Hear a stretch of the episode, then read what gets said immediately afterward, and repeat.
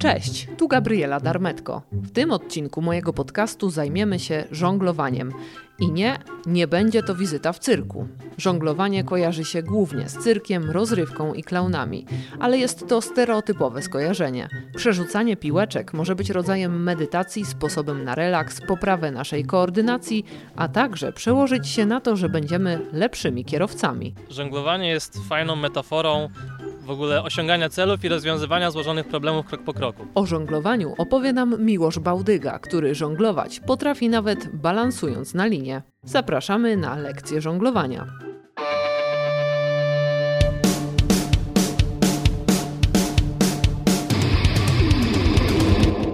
Jesteśmy w parku miejskim. Widzę tutaj rozciągniętą linę. To jest lina? Tak, to jest potocznie lina, a tak naprawdę, tak jak widać, to jest taśma. Taśma, po której się chodzi, czyli profesjonalnie mówiąc slackline. Bardzo cienka taśma, ona ma ile? Z 5 cm szerokości? Tak, około 5 cm szerokości. To jest taka wersja bardziej do, do trików, są jeszcze takie cieńsze, po których się po prostu chodzi. No dobrze, samo chodzenie po taśmie to już jest wyzwanie, ale widzę, że ty robisz dodatkowo e, jeszcze jedną rzecz, czyli żonglujesz. Owszem. Żonglujesz iloma kulkami? W tej chwili trzema, ale, ale jestem na etapie, gdzie szóstka już jest opanowana w miarę stabilnie, a siódemkę jeszcze szlifuję. I jak podchodziłam tutaj do ciebie, to widziałam, że stałeś na jednej nodze, na tej taśmie, żonglując trzema kulkami. Patrzę na to i e, po prostu nie wierzę, jak to jest możliwe. Jak się zaczyna żonglować? Zaczyna się najlepiej od jednej piłeczki, ale to też niewiele osób wie, że trzeba to robić krok po kroku. I tak jak ja jestem w stanie teraz żonglować stojąc na, na slaku, na taśmie rozpiętej między drzewami, to też trzeba powiedzieć, że ja zaczynałem od nauki najpierw żonglowania jedną piłeczką, dwiema, potem trzema. Jak już opanowałem żonglowanie, potem musiałem się oddzielnie nauczyć chodzić na slackline, a potem dopiero mogę zacząć ćwiczyć robienie y, jednego razem z drugim. Dlaczego mamy zaczynać od jednej piłeczki? Bo zawsze się kojarzy ludziom żonglowanie, no to właśnie co najmniej dwie. No tak, a jak uczymy się jeździć samochodem, to od razu wyjeżdżamy na autostradę i jedziemy 100 na godzinę.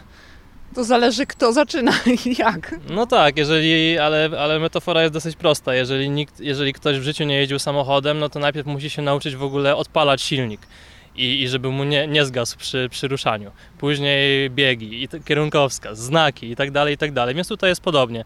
Chodzi o to, żeby robić to krok po kroku, bo jeżeli wrzucimy się od razu na zbyt głęboką wodę, to po prostu łatwo się zniechęcić i uznać, że ja się do tego nie nadaję, że ja się nigdy tego nie nauczę i z takim podejściem spotykam się wielokrotnie, a w momencie, kiedy ja prowadząc zajęcia właśnie robię to etapami, krok po kroku, zaczynając od jednej piłeczki, potem przechodząc do dwóch i później do trzech, to wtedy ludzie widzą, że rzeczywiście taki trening krok po kroku przynosi efekty i wtedy dostają wiary w siebie, bo widzą, widzą po prostu, że jest to możliwe. A co daje żonglowanie? No bo żonglowanie kojarzy nam się z klaunem występującym w cyrku, który przerzuca piłeczki. Ale co to może dać takiej zwykłej osobie, która na przykład wraca zmęczona z pracy? Okej, okay, no to fajny przykład. Myślę, że taki mm, rzeczywiście pasujący do, do naszego społeczeństwa. I, i zresztą, zresztą obecne okoliczności, kiedy byliśmy, byliśmy zachęcani do niewychodzenia z domu, to to żonglowanie, jak zresztą wyszło mi w badaniach, które robiłem do, do pracy magisterskiej, którą skończyłem pisać kilka dni temu, większość osób postrzega żonglowanie jako sposób na relaks i na odstresowanie się. Więc to jest coś, co kiedy już to opanujemy oczywiście, ale nawet jakieś podstawowe, podstawowe triki czy podstawowe wzory, kiedy to robimy, to jest taki stan medytacji. Ja, ja to porównuję do swojego rodzaju medytacji, bo skupiamy się w 100% na tym, co robimy i nie myślimy o niczym innym, tylko jesteśmy tu i teraz i właśnie dzięki temu możemy się odstresować, odłączyć, odciąć od problemów i, i, i, poprawić swoje samopoczucie. Żeby zacząć, to zaczniemy może od tej jednej tak piłeczki. Pokażesz mi, jak to się robi, bo chciałabym spróbować. Jedna piłeczka. Ona jest wypełniona? Tak, wypełniona jest piaskiem do, do 1 trzeciej objętości mniej więcej. To ma zapobiegać temu, żeby, żeby piłeczki się, się toczyły daleko i w praktyce to jest różnie. Czasami się potrafią odtoczyć bardzo daleko, ale jeżeli jesteśmy, tak jak teraz w parku, gdzieś na, na trawie, to, to one rzeczywiście po upadku nie toczą się zbyt daleko, tylko zostają w miarę, w miarę w jednym miejscu. Dobra, to zaczniemy. Ja chciałabym się nauczyć. Mam piłeczkę, ona jest wypełniona. Tak, wypełniona jest piaskiem do, do 1 trzeciej objętości mniej więcej.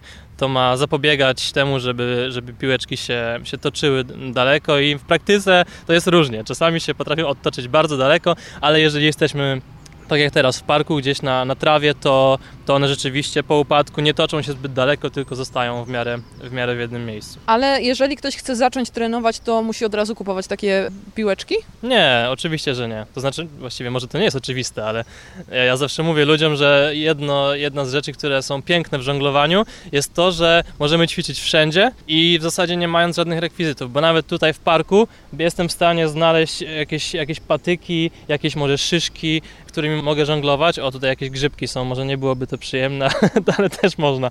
W każdym razie nie, nie trzeba od razu kupować profesjonalnego sprzętu. Ja na przykład zaczynałem od mandarynek. Pierwsze 20-30 trików, których się nauczyłem w życiu, to nauczyłem się na mandarynkach. Później kupiłem piłki tenisowe, którymi się uczyłem żonglować czterema a później jak chciałem się nauczyć żonglować pięcioma piłeczkami, to już wtedy zainwestowałem w profesjonalne piłeczki do żonglowania, ale jak najbardziej można, można je bez tego się nauczyć. Dobra, to chciałabym e, spróbować. Co mam zrobić? Okej. Okay. Żonglowanie jest fajną metaforą w ogóle osiągania celów i rozwiązywania złożonych problemów krok po kroku. Żeby rozwiązać jakiś problem, trzeba wiedzieć, co chcemy uzyskać na końcu, jaki chcemy mieć rezultat. Więc to pytanie do Ciebie. Co, jak chcesz, żeby to wyglądało z trzema piłeczkami. Nad tym trzeba się chwilę zastanowić, bo to wcale nie jest takie oczywiste. Jakbyś miała mi opisać kształt tego wzoru, albo co piłki robią w powietrzu, co ręce robią z piłeczkami po kolei, co się dzieje w żonglowaniu trzema piłeczkami. To jak sobie to wyobrażam, to widzę kształt trójkąta, bo jedna piłeczka jest, jest na górze, okay. druga jest w jednej ręce, no i musimy to jakoś uruchomić, żeby zaczęło działać. I jak już będzie działać, to no jakbyś mogła opisać schemat. Przerzucam piłkę do góry, E, haha, i to nie jest wcale takie proste. Przerzucam do góry, teraz prawą ręką puszczam e, prawą piłkę, ona leci do lewej ręki, z lewej wylatuje do... Nie, to jest chyba za dużo tych piłek. Bo, bo wspomniałaś o kształcie trójkąta, czyli... Dobra, to, to ja zaprezentuję, zobaczymy, czy to jest to, o co Ci chodziło. No jest trójkąt, ale prawie. I czy to jest to, o co Ci chodziło? Tak.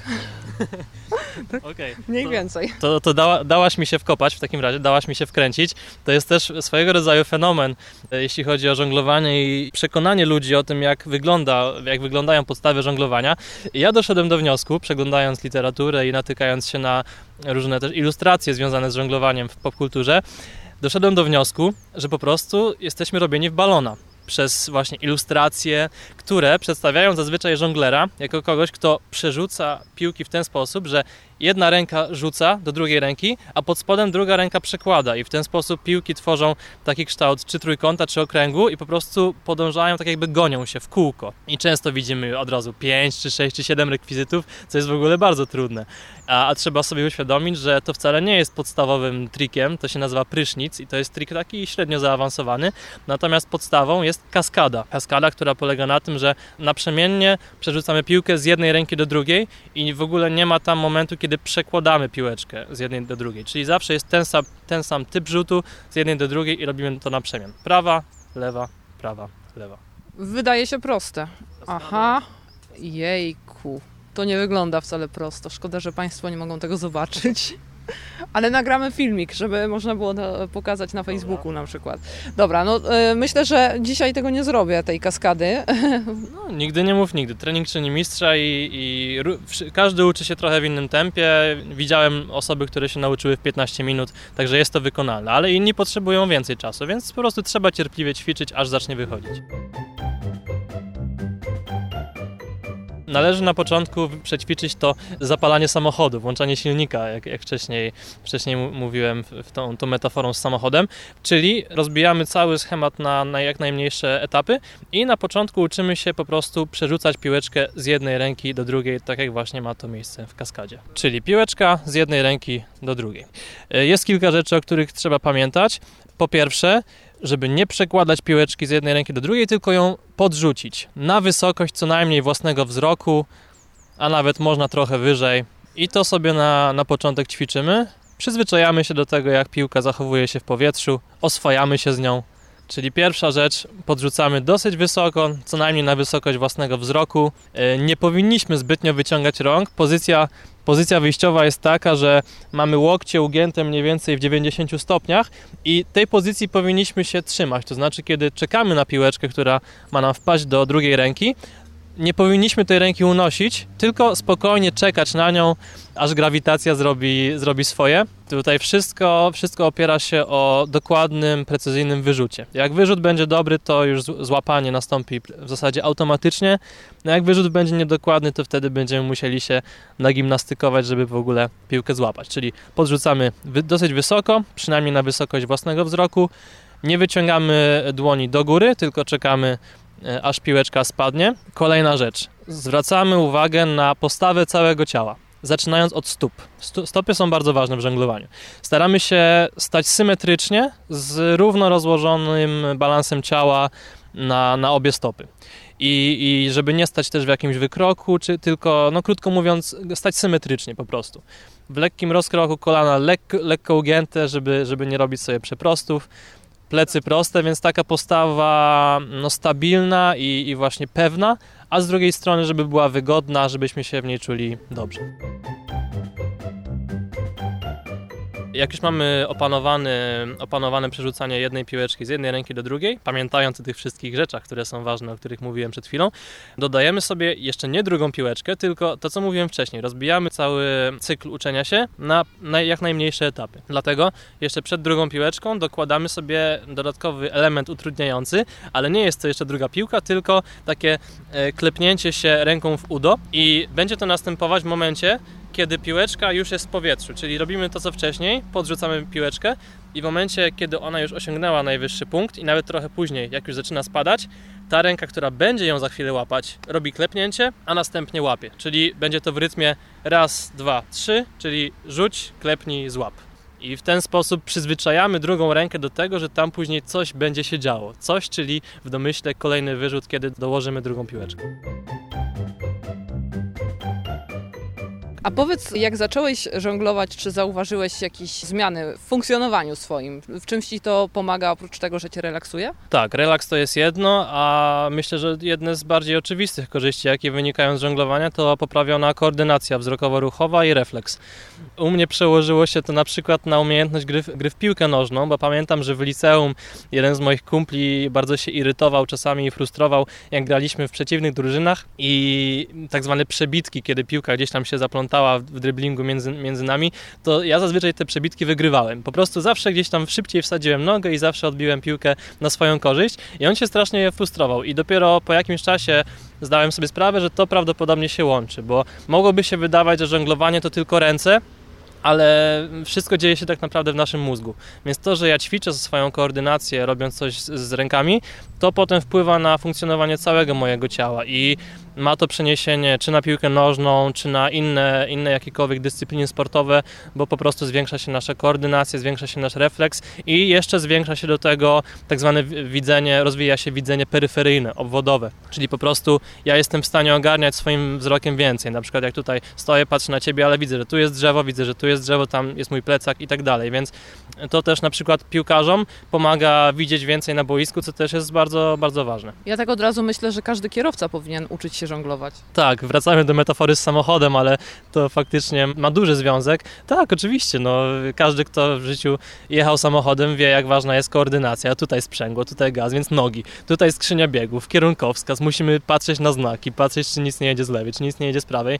Więc oczywiście, ja doszedłem do wniosku w pewnym momencie, że po prostu żonglerzy są bezpieczniejszymi kierowcami. Nawet jak dziecko wybiegnie przed maskę, to jestem w stanie szybciej wyhamować, bo mam lepszy refleks. To prawda. Chciałam zapytać o jedną rzecz, co mnie zainteresowało, bo mówisz, że śledziłeś teksty dotyczące żonglowania, to co się pojawia w popkulturze, jak jest przedstawiane żonglowanie. Tak. Skąd takie zainteresowanie żonglowaniem? Odpowiedź jest dosyć prosta, może wręcz banalna i dla niektórych rozczarowująca, bo zacząłem żonglować z nudów. Kiedyś po prostu nudziło mi się i, i szczęśliwym trafem znalazłem, znalazłem jakieś, jakieś trzy piłeczki. Były to dosyć kiepskie piłeczki do żonglowania, bo to były takie piłki kauczukowe, które się bardzo odbijają. Więc do takiej klasycznej żonglerki są, są po prostu bardzo uciążliwe, bo trzeba za nimi ganiać po całym pokoju.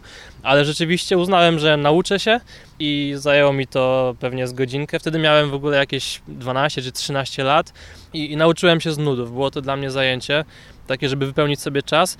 A co ciekawe, kiedy osiągnąłem swój cel, kiedy nauczyłem się kaskady, to przez to, że też nie byłem świadom tego, jak wiele jest trików i jaki to jest głęboki, głęboki świat, ogromny świat y, właśnie żonglerski, to po prostu zostawiłem to. To znaczy osiągnąłem swój cel i okej, okay, i w ogóle zostawiłem te piłeczki, a dopiero kilka lat później natknąłem się w internecie na, na filmik taki instruktażowy, gdzie zobaczyłem jakiś inny trik, no i wtedy się zaczęło. Wtedy po prostu stało się to moim, moim hobby, tak zwaną zajawką, po prostu no, sam z siebie chciałem się uczyć kolejnych trików. I napisałeś pracę magisterską na temat żonglowania? Tak, teraz napisałem pracę magisterską bo no to, to zatoczyło taki krąg, bo zacząłem się uczyć e, właśnie z nudów, z chęci zapełnienia sobie czasu.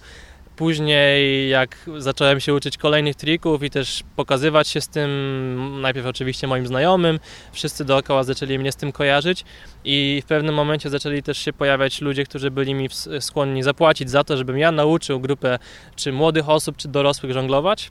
I później uznałem, że to może być fajny sposób na życie i na biznes i, i zacząłem bardziej świadomie iść w tym kierunku, prowadzić zajęcia i, i po tym jak przemęczyłem się i skończyłem licencjat z ekonomii, to, to znalazłem studia, studia andragogiczne, czyli edukacja dorosłych, gdzie była specjalizacja prowadzenia szkoleń i, i, uznałem, że to będzie coś dla mnie. I właśnie teraz kończę te studia i pracę magisterską napisałem o żonglerce w życiu i edukacji osób dorosłych. Super, gratuluję. Cudowny pomysł na życie. Mam nadzieję, że to wszystko się będzie jeszcze rozwijać. Jeżeli ktoś chciałby się uczyć, to gdzie Cię może znaleźć? Można mnie znaleźć na Facebooku. Mój fanpage nazywa się Juggling with Benefits, czyli po angielsku żonglerka z korzyściami. Jestem na Facebooku, jestem na Instagramie, również Juggling with Benefits. Jestem na LinkedInie, jak ktoś bardziej biznesowo potrzebuje, to tam już pod moim imieniem i nazwiskiem Miłosz Bałdyga. Zrobiłem też stronę internetową jugglingwithbenefits.com, także zapraszam. Ale myślę, że jak się wygoogluje Miłosz Bałdyga, żonglowanie, to, to chyba jestem jedynym Miłoszem Bałdygą, który żongluje. Dziękuję za wysłuchanie tego odcinka. Zapraszam na Facebooka oraz Instagram, gdzie znajdziecie mnie pod hasłem Gabriela Darmetko Podcast. Tam pojawiają się zapowiedzi kolejnych odcinków oraz sekrety dziennikarskiej pracy od kuchni. Do usłyszenia.